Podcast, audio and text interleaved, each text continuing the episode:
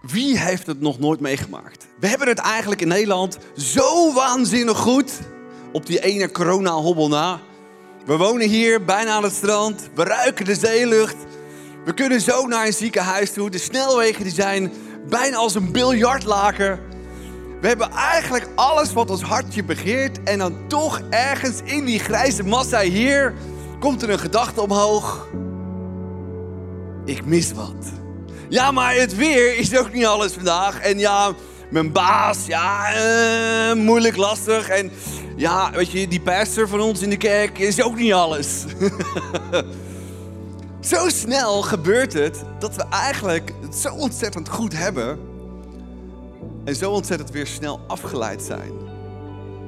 In ons hoofd en in onze gedachten over wat we misschien nog niet hebben. Terwijl we het zo ontzettend goed hebben. En wat we geleerd hebben de afgelopen weken is, er vindt hier een gevecht plaats, een oorlog plaats in onze gedachten. Wat echt een slagveld kan zijn. En we hebben geleerd dat als er gedachten en omstandigheden binnenkomen,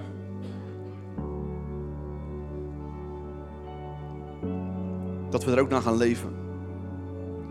Dat wat er van binnen gebeurt, is wat er van buiten uiteindelijk gaan leven. Ons leven beweegt ons in de richting van onze sterkste gedachten. En we hebben gekeken naar een fantastisch vers van Paulus. Dus jouw leven beweegt zich in de richting van je sterkste gedachten. En dat betekent dus als de eerste gedachte is, het leven dat je hebt is vaak een reflectie van je gedachten die je denkt. Dus alles wat je denkt, komt er uiteindelijk uit in je leven. Of je het leuk vindt of niet, of je het cool vindt of niet, of je het ermee eens bent of niet. Dat is wat het is.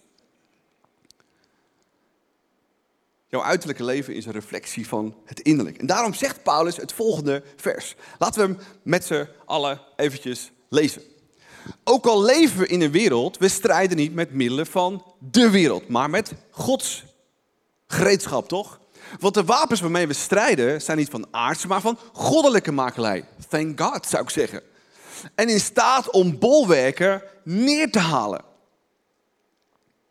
We schuiven redeneringen, gedachten, die ons misschien wel kapot maken, uh, vervelend laten voelen. Um, en alles wat ons hoogmoedig wordt opgeworpen tegen de kennis van God, heeft God het juiste perspectief voor jou, het leven, jouw omstandigheden? Wel zeker. En we nemen elke gedachte gevangen we houden hem tegen het licht van links en rechts, omhoog en laag. We houden hem tegen Gods woord. Hey, is dit wel werkelijkheid? Is dit wel het juiste perspectief? Is dit wel wat ik zou moeten voelen? Om haar te onderwerpen aan Christus. Jezus heeft altijd het juiste perspectief. Hij heeft altijd het juiste zicht op jouw leven, op jouw omstandigheden. En wij staan er soms heel troebel in. Kan een waanzinnige dag met heel veel zon nog steeds heel negatief zijn? Ja, wel degelijk. Ja, kan een waanzinnige celebration voor de ene hier, voor de ander nog steeds. ja, wat die Spaneman vandaag nou te melden heeft, is ook niet zo heel erg interessant. Het heeft zoveel impact op wat we denken en wat we doen in ons leven. We moeten dus elke gedachte gevangen nemen. En laten we dus ook de Heilige Geest vandaag vragen in het gebed nu. Dat we hier anders weggaan met een nieuw perspectief op jouw leven en onze omstandigheden. Jezus, dank u wel dat u hier bent. Dank u wel dat u ons de juiste perspectieven wilt geven. Hoe moeilijk de omstandigheden soms ook zijn. Heilige Geest, we vragen u in deze celebration.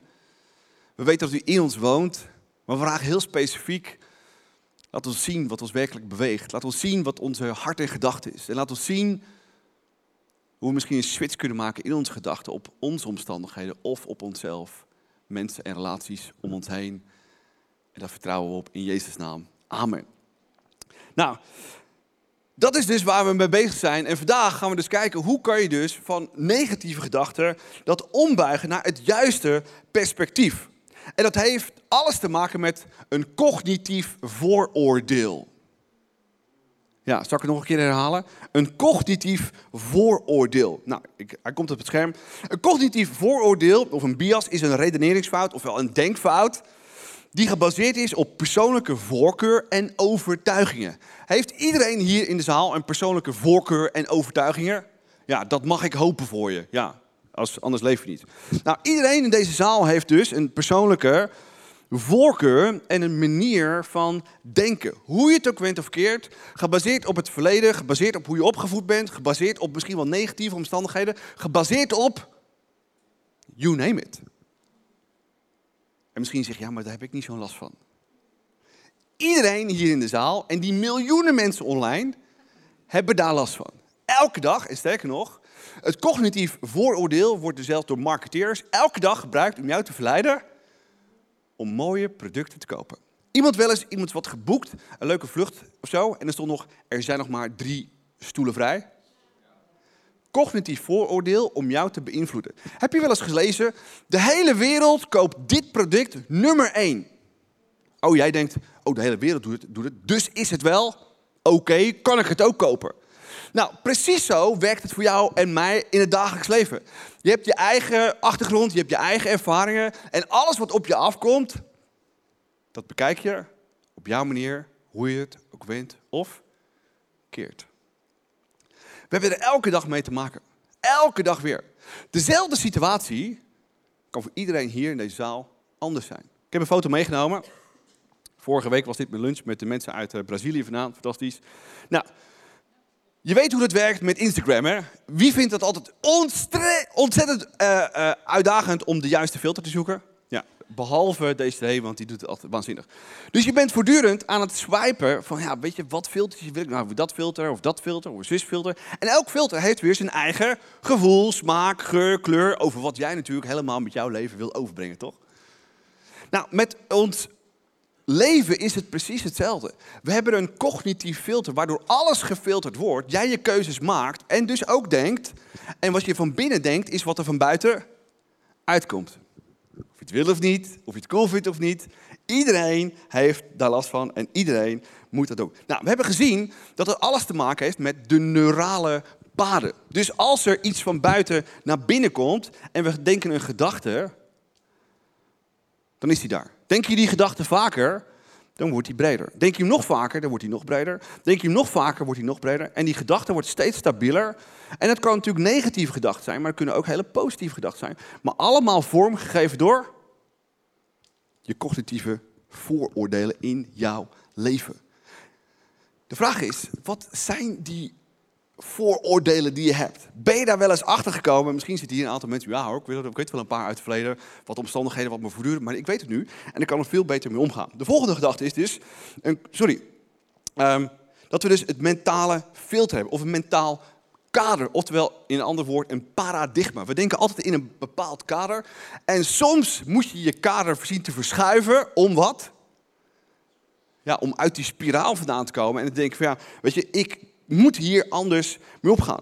En we zijn dus allemaal hier opgegroeid met een bepaalde achtergrond en een bepaalde manier van denken.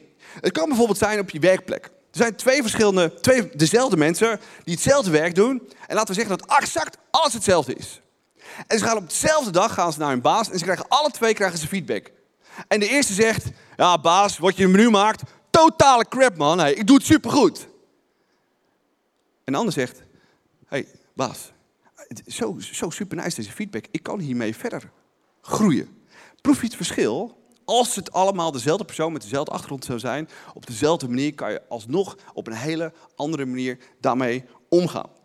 In kerk is dat precies hetzelfde. Weet je wat er in deze kerk heel vaak gebeurt? Zo cool. Christenen komen hier en die denken zo, dat is even schakelen.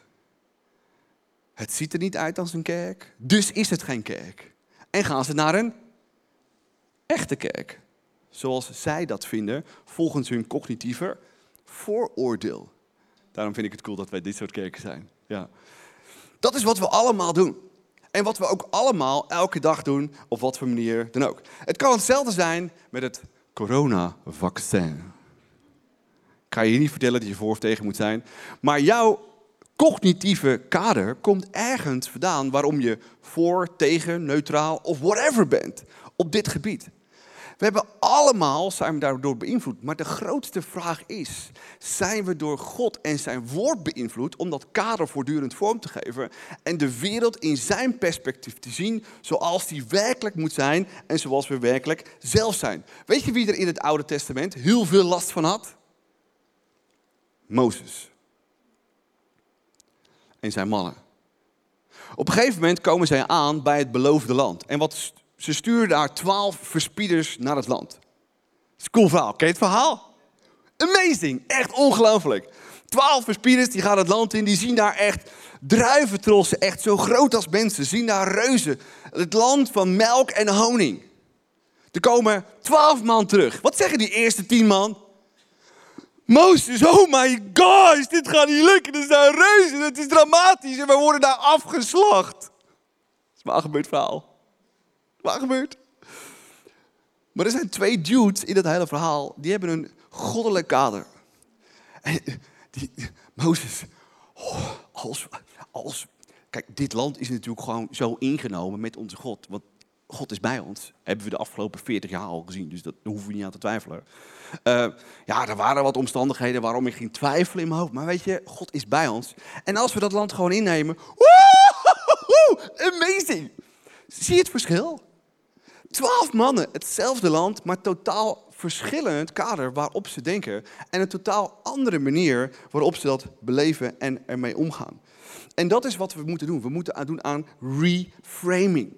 We moeten niet de boel en onze omstandigheden, jouw op onze manier, met onze menselijke onmogelijkheden bekijken, maar met Gods ogen, zijn perspectief en zijn kracht en macht.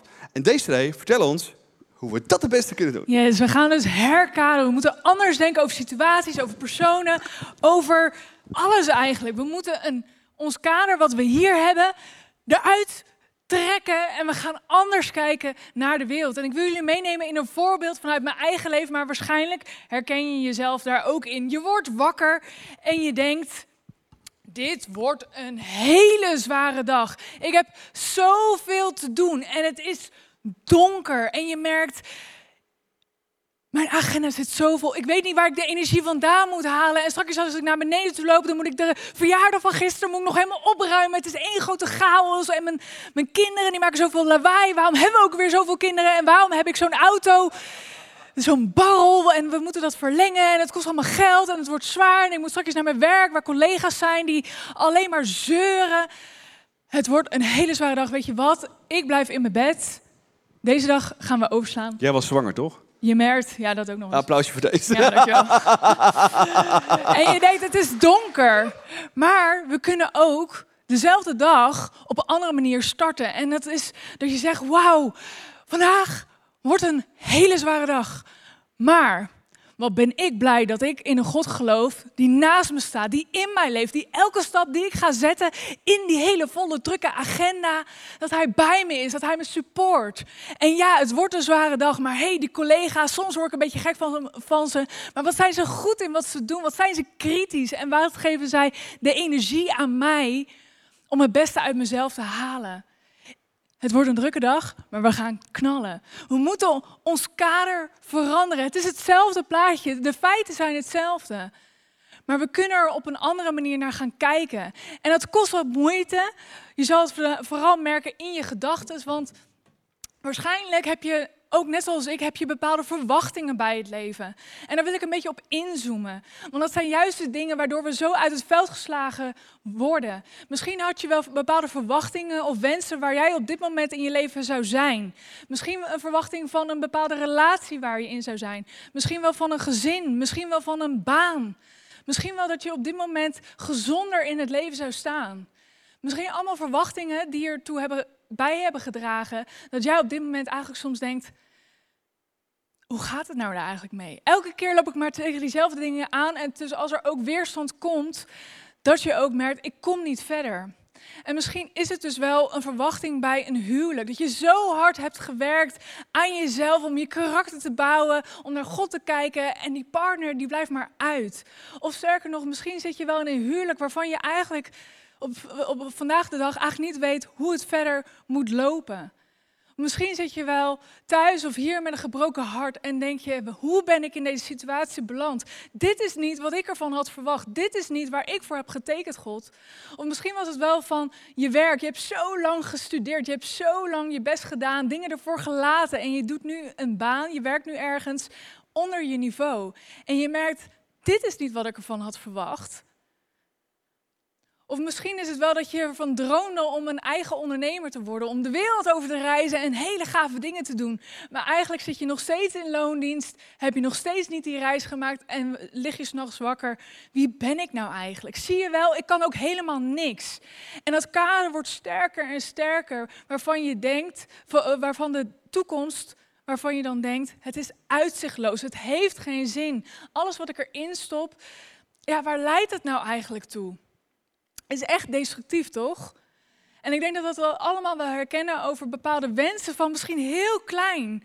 Dat je dacht van toen je vier was, oh later ga ik dit worden en dit ga ik met mijn leven doen en ik heb er zoveel zin in. En je wordt ouder en ouder en ouder en je wordt bijna dertig en je denkt, wat heb ik eigenlijk nu op dit moment bereikt? Het kan van alles zijn, maar het is wel wat ons opbouwt of juist naar beneden haalt.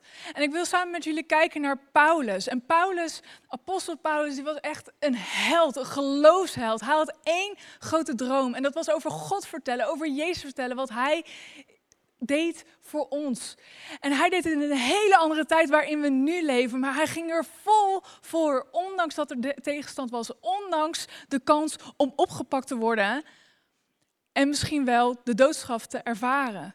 Nou, Paulus die had precies om die reden, nou niet om de reden om dat te gaan ervaren, juist niet. Hij had gezegd, ik wil met alles wat ik heb, alles wie ik ben, wil ik God volgen en ik wil over Jezus vertellen. En dat bracht hem bij het volgende. Hij had een droom. Hij wist, als ik zoveel mogelijk mensen in één keer over Jezus zou willen vertellen, waar het zich zal verspreiden, moet ik in de hoofdstad van dat moment van de wereld zijn. En dat was op dat moment Rome, van het Romeinse Rijk. Rome was de plek waar hij wilde zijn. Hij wilde daar spreken, hij wilde daar mensen beïnvloeden, hij wilde mensen inspireren om Jezus te leren kennen.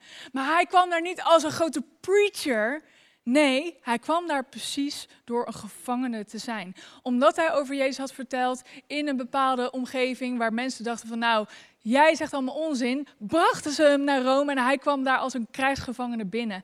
En hij wist niet hoe het zou lopen. En Paulus zat daar in die gevangenis en hij had van alles kunnen denken over die situatie. Dit is niet wat ik ervan had verwacht. Hoe ben ik hier terechtgekomen? Ik wil zo graag vertellen over Jezus, maar ik zit nu opgesloten. Hij zou, hij is niet in U-version te vinden, maar hij zou in de nieuwe Zijkersvertaling, de NZV, zou hij het volgende kunnen zeggen. Luister met me mee. Ik wil dat jullie, broeders en zusters, weten dat wat mij overkomen is echt volkomen kloten is. Ik zit hier als gevolg van de hel waar ik doorheen ga. En weet je wat? Ik stop met het schrijven van deze rotbrieven. En weet je wat? Ik ga nooit meer naar de kerk. Hij was er helemaal klaar mee. Zou je je kunnen voorstellen, toch?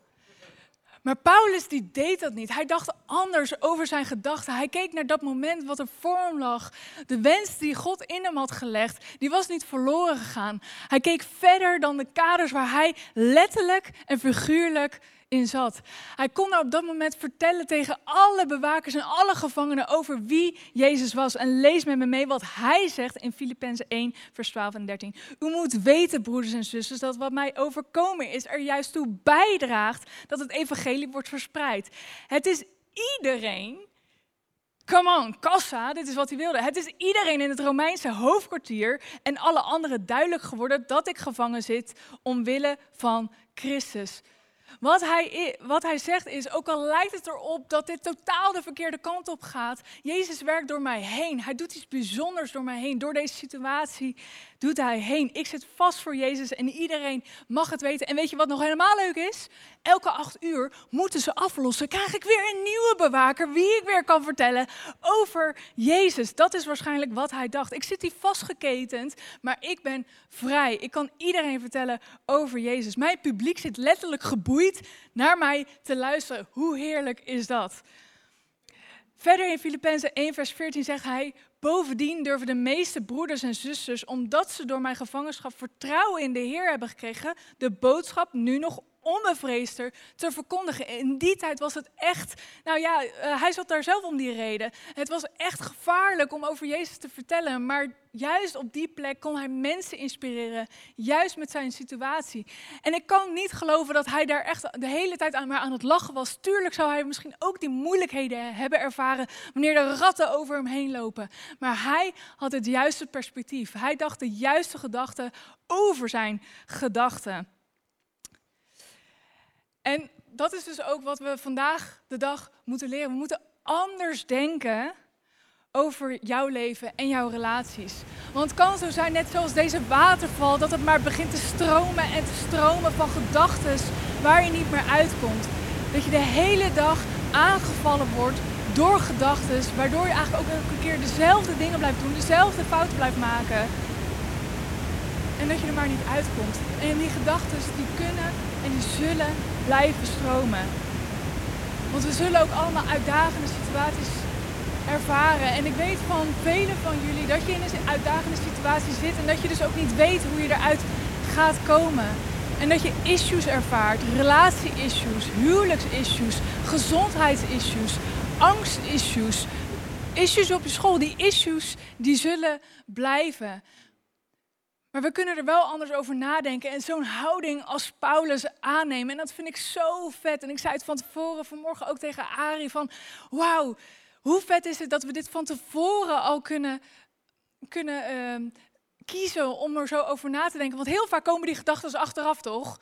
Dat je dan achteraf denkt, oh, maar als ik dit had geweten, dat dit de uitkomst was, dat God dit door heen wilde doen, dan had ik waarschijnlijk heel anders van tevoren gereageerd. Nou, laten we met z'n allen dat frame anders reframen. Dat we anders denken over onze gedachten. Want het zou zo zonde zijn dat zo'n groot deel van ons leven goed is. We zijn zo blessed in het Westen hier. In ieder geval in Nederland zijn we zo blessed. Maakt niet uit in welke situatie we eigenlijk zitten. We zijn zo vrij. We zijn zo rijk. Maar toch hebben we die issues. En laat niet die kleine issues de rest overrulen. Net zoals dat beeld net achter me. Het zijn dezelfde feiten. Maar het is maar net hoe jij er naar kijkt samen met God. En Arie en ik wil je een aantal tools meegeven hoe je dat beter kunt doen. En de eerste tool die we je mee willen geven is dank God voor wat er niet gebeurt. Nou Arie, hoe moeten we dat doen? Ja, zeker. Want je, je hebt dus gezien dat voortdurend dit, kader onder stress staat. We hebben het gezien in de clip van Felicia. Ik heb het zelf ook meegemaakt. We zijn veel offers gebracht de afgelopen jaren. We zijn kleiner gaan wonen. En je ziet de maatschappij, je ziet vrienden om je heen andere keuzes maken. En soms zeggen ze zelfs, hé hey Arie, wil je niet bij mij in de tuin komen werken of zo? Mijn balkon is veel beter, want ik heb uitzicht over heel Den Haag, weet je. Dus voortdurend staat het onder stress. En als we dus op een andere manier, op Gods manier, zijn leven willen leven, dan komt die kader nog veel meer onder stress te staan. Maar dat is ook de kick en de joy die je kunt hebben samen met God. Om het anders te doen dan de samenleving, om het anders te doen dan de meeste mensen doen, maar echt een rebel te zijn voor Jezus. En echt een andere pad te gaan en te genieten van wat hij door je heen doet. En dan moet echt te leren te gaan vertrouwen op wat hij doet. En het eerste wat we er moeten doen is, bedenk inderdaad voor wat er niet gebeurd is in jouw situatie. Nou, ik ken ontzettend veel verhalen van mensen uit deze kerk vandaan. En ik ken ook maar een paar mensen die zo verschrikkelijk dingen hebben meegemaakt, maar geleerd hebben om dat frame te verplaatsen. What doesn't kill you makes you stronger. Maar tegelijkertijd zijn er hele horde. Ja, maar wat ik nu meegemaakt heb, zo lastig, zo vervelend. Het maakt me helemaal kapot. En je wordt zuur en je wordt bitter over de mensen om je heen. En je bent helemaal verstijfd van bitterheid, van wrok, van boosheid. Terwijl je tegelijkertijd kunt zeggen: nee, mijn hart kan juist in deze situatie groeien door vrijgevigheid. Door dat ik mensen ga vergeven. Ik word sterker om te zien wat God door me heen gaat doen. Dat is zo fantastisch. Er was dus een meisje. Uh, die kwam thuis uh, van het voortgezet onderwijs. Uh, ze was aan het eind, was 18 jaar. Uh, pap, ja, ik kwam uh, iemand tegen uit de gevangenis. Ja, opeens zaten we in een hotelkamer. ik ben een klein beetje zwanger, en, maar weet je, we, hebben het opgelost. We komen gewoon bij jou thuis wonen, samen in één kamer. En als we ooit misschien een klein beetje geld hebben, dan gaan we misschien wel een klein beetje trouwen. Wat zou je als papa en mama denken? Ik heb drie dochters. Hoi. En de dame zegt, pap, ja, het verhaal is niet helemaal hoe ik zeg. Het punt is gewoon dat ik voor mijn herkansingsexamen een 4 heb en ik weer een jaartje opnieuw moet. Oh, en dat is precies wat het is. Soms moeten we zoveel dankbaarder zijn voor de situaties die we hebben. Zowel de, de positieve, maar met name ook de negatieve. Want het zijn die negatieve situaties die, die echt alles slechte in ons naar boven kunnen halen. Of juist het beste wat er al zit, kan versterken en beter kan maken. Precies dat is wat we nodig hebben in jou en in mijn leven. En je kunt zo op werk, op, op je gezondheid, in alle situaties kun je er boven halen waarin dit principe van toepassing is. Er zijn zoveel mensen die op social media voorbij ziet komen, die al geboren zijn zonder ledematen, zware auto-ongeluk hebben gehad en ergens die knop hebben weten gevonden van dankbaarheid. Ik leef nog. En zolang ik leef en ik een hartslag heb, is God niet klaar met mij. En gaat hij door mij heen, door mij heen en jou heen, echt iets bijzonders doen. Jullie breken nog steeds de tent niet af. Dat is de knop die we moeten vinden van dankbaarheid. Zolang ik leef, gaat God iets bijzonders doen en ik geef me daarin over. Oké, de volgende gedachte die we moeten hebben is oefen met anders denken. Je kunt het ook heel praktisch maken. Oefen met anders denken voor je ergens aan begint. Ik had afgelopen week een, uh, een, een belletje doen met iemand die ik niet kende. En ik, ik vind dat al mijn hele leven spannend. Terwijl ik, ik, ik, heb leiding gegeven aan een bedrijf. En denk van, weet je, wat is nou het probleem eigenlijk? En het probleem is weer die diepe wortels in je gedachten. Dat ik soms met bepaalde mensen, dit was een vastgoeddirecteur en die had misschien wel een leuke locatie. En ik had hem nog nooit gesproken en ik dacht, weet je, als ik hem opbel, weet je, 30 seconden, dan hangt hij weer op, weet je. En daar kan ik heel slecht tegen. En ik wist, Arie, weet je, waarom... Ja, Oké, je hebt die eerste gedachte, die gooien we eruit. En de tweede gedachte is, laten we er een goed gesprek van maken en er heel relaxed ingaan. 25 minuten aan de telefoon gehangen, waanzinnig gesprek over iemand die vastgoed doet in deze omgeving, uit Oesgeest komt, vastgoed doet tussen Amsterdam en Rotterdam. Dat was zo waanzinnig. En soms kan je door één kleine gedachte zo laten verleiden. Weet je, ah, weet je laat, laat het gesprekje maar, laat het telefoontje maar. Maar wat nou als dat ene telefoontje de doorbraak is in jouw leven, in jouw situatie, in jouw werk? Wat zou dat alles kunnen veranderen? Dat is wat we moeten doen. En misschien zit je stak in je hoofd over alles wat er fout gegaan is met corona, met je bedrijf, met je werk, met je gezin. Maar wat heeft het opgeleverd? Of als je erover na gaat wat kan je doen met de nieuw aangeleerde skills in die periode en die situaties? Dat is wat we moeten zien. En dat is wat we moeten begrijpen. En dat is waar we in moeten stappen, want dat verandert alles. Dat is wat we nodig hebben. Hoe kunnen we vooraf de situatie anders gaan reframen? De laatste is de killer. Focus je op Gods. Ja. Goedheid of is God altijd een boos God? Wat is je kader? Of denk je dat hij soms een beetje een spelletje met je speelt? Ergens in je leven moet je jezelf afgevraagd hebben: is God altijd goed? Heeft hij altijd het beste met me voor? Of doet hij maar wat? We lezen klip en klaar in de Bijbel dat God altijd het beste met ons voor heeft. En met name Paulus weet en wist dat hij altijd het beste met ons voor heeft. Maar durf je ook echt te vertrouwen op zijn goedheid, op wat hij aan het doen is. Kun je daar echt op vertrouwen? Kun je daar echt op gaan staan? Durf je daar echt wat mee te gaan doen? Want dat is precies wat cognitief herkader is. Heb ik een God die altijd goed is, oké, je soms uitdaagt, je soms test, je soms oprekt, zodat je een volgende barrière veel beter aan kunt, of denkt hij dat hij elke dag maar een beetje met je aan het dis is? Je moet die hobbel nemen. Je moet op ergens gaan zeggen, ik ga dit herkaderen. Ik ga geloven, God is goed. Hij is mijn verzorger. Maakt niet uit wat er in mijn leven gebeurt. Hij heeft altijd alles onder controle. En alles komt altijd goed. Als ik dichtbij hem blijf. Dat is wat we moeten doen. Cognitief herkaderen. Wat is het kader waarin ik denk en moet ik het andere perspectief zoeken? En ik wil je uitdagen in het laatste stukje van deze message. Het kader komt ergens vandaan. En misschien ga je erachter komen wat het verleden is, wat de achtergrond zijn, waarom je het kader hebt. Maar misschien ook niet. Don't worry. Het kader is onze fantastische Jezus. Het kader is Gods woord. We kunnen voortdurend zoeken, hey, wat is Gods principe voor dit in mijn leven? Wat is Gods principe voor dat in mijn leven? En durven inderdaad, net zoals Paulus zegt, en je merkt nu al, Paulus is een held als je in een gevangenis kunt zitten. Wat in die tijd verschrikkelijk was. Het was een riool. En zo positief kunt zijn. Hij heeft geleerd, letterlijk, dat wat hij opschreef al gedaan had. Dat is vaak ons probleem. Wij praten erover, maar we doen het niet. En Paulus die deed het en die schreef erover en die praatte erover. En hij wist al die omstandigheden om te buigen en om te zetten.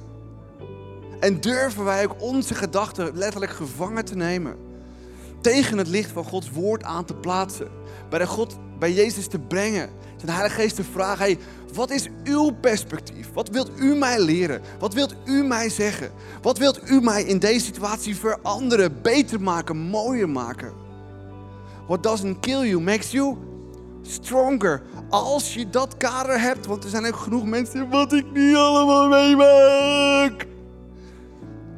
Dus we moeten echt leren. Wat ik meemaak, maak ik mee en God is bij me. En ik kan hem vragen, waarom maak ik dit mee? Wat wilt u hiermee zeggen? Wat wilt u hiermee leren? Want ik ben toch de uwe. En go for it. Weet je wat het voor mij betekent? Johannes 10, vers 10. Er staat het volgende. De dief, hij stond er al lang al, zag ik al. De dief komt, sorry, de dief, het vers terug. Ja, het vers terug. Ja. De dief komt alleen om te stelen, doden en vernietigen. Iemand wel eens pijn in zijn leven gehad? Waar komt die pijn vandaan? Ja, dat je zelf verkeerde keuzes maakt en dus pijn, verdriet, ellende in je leven krijgt. Of iemand anders doet jou het aan, waardoor je pijn, verdriet en ellende hebt. Linksom of rechtsom is dat de boze die je zelf toelaat of iemand anders jou dat aandoet. Heb je hem? Pijn is van God. Tenzij het, sorry, van de boze, tenzij God jou aan het testen is. Soms ook pijnlijk. Ik ben gekomen om mijn schapen leven in overvloed te geven. Dat is precies wat de boze wil doen. Hij wil, komt hij. De boze doet, wat deed hij? Stelen, doden, vernietigen. Wat doet God? Leven in overvloed. En we moeten voortdurend weten, hey, als er iets in een leven komt, als er een omstandigheid is, is dit van God of is dit van de boze? Heb ik zelf de boze ergens toegelaten om iets destructiefs in mijn gedachten toe te laten? Of moet ik ergens weer leven geven? En een principe in mijn leven gaan brengen van God. In mijn hoofd, in mijn ziel, in mijn gewoonte, in het dagelijks leven. Ik wil in mijn leven leven in overvloed. En als ik pijn heb in mijn leven, dan vraag ik me af. God, ik heb nu pijnlijke gedachten over mijn situatie. Ik maak me zorgen. Maar wat heb ik toegelaten? En wat moet er uit mijn leven en wat moet er in mijn leven? Zodat ik weer leven in overvloed kan hebben. En ik hoop met heel mijn hart dat jij hier nu vandaag al die gedachten, zoals Paulus wilt, gevangen nemen. Ze tegen het licht aan wil houden van de Heilige Geest of zijn woord. En misschien zien, hey, ik snap nu waar mijn pijn vandaan komt. Ik snap nu waar mijn verdriet vandaan komt. Maar ik snap ook waar mijn joy vandaan komt, omdat je het leven op zijn manier doet. We gaan luisteren naar een nummer. En ik wil je vragen, hey, wat voel je vandaag? En, en laten we God en de Heilige Geest vragen om je sterkste gedachten die je vandaag of misschien de afgelopen weken en maanden hebt, waarin je leven dus ook aan het bewegen is, misschien wel op een negatieve manier. Tegen Heilige Geest te zeggen, Heilige Geest, waarom denk ik zo? Waarom heb ik dat vooroordeel? Waarom maak ik voortdurend die keuzes? Zodat we het een nieuw frame kunnen geven. En in het daglicht van Gods geest kunnen geven die leven in overvloed geeft. Ik was een jaar of 14 toen ik op mijn knieën ging en mijn leven in Jezus gaf.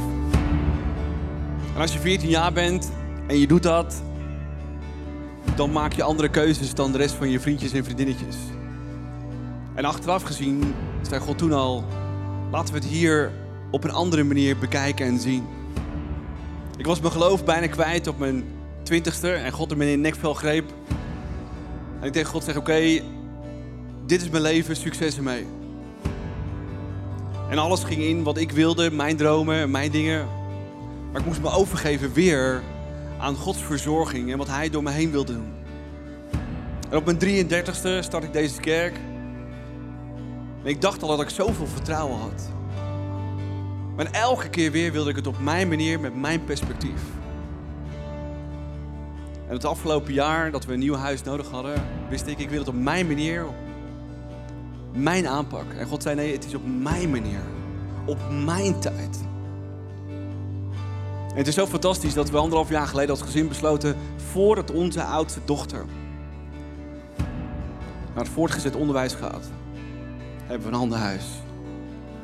Dan moet je zoveel loslaten, je moet zoveel herkaderen in je hoofd om het toch weer zelf te doen, nee, op Gods manier. En het waren vrienden van ons die zeiden, dit huis, dit moet voor jullie zijn. En zeiden van ja, dat vinden wij eigenlijk ook wel. En we geen manier wisten om dit voor elkaar te krijgen. En God zei weer precies hetzelfde. Ik ben jouw verzorger. Ja, maar de zomervakantie komt er al bijna aan. Ik ben jouw verzorger. En precies een dag voor de verjaardag, op vrijdag, afgelopen vrijdag, kregen we dat huis.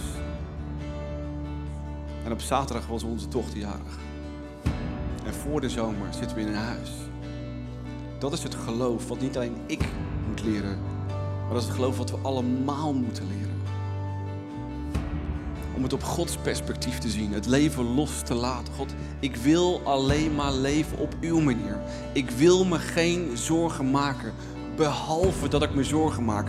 Doe ik wat u van mij vraagt. Door de hele Bijbel heen. Alle mensen die deden wat God van ze vroeg.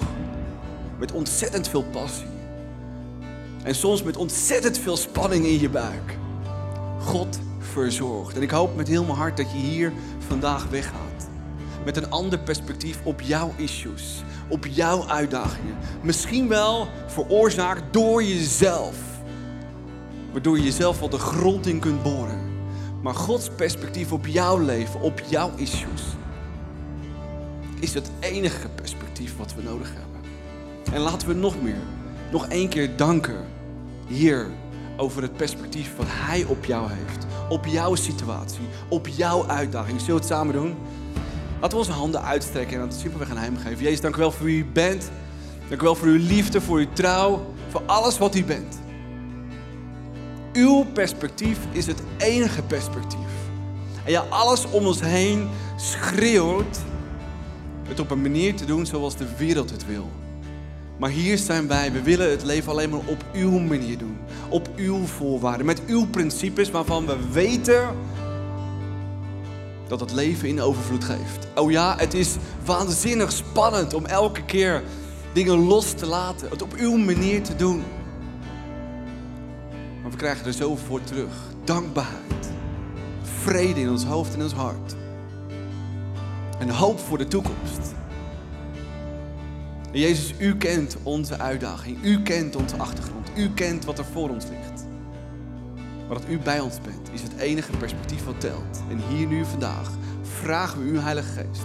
Geef ons een nieuw perspectief op ons leven, op onze uitdaging, op ons verleden. Want waar u bent, wordt alles anders. Komt alles tot leven.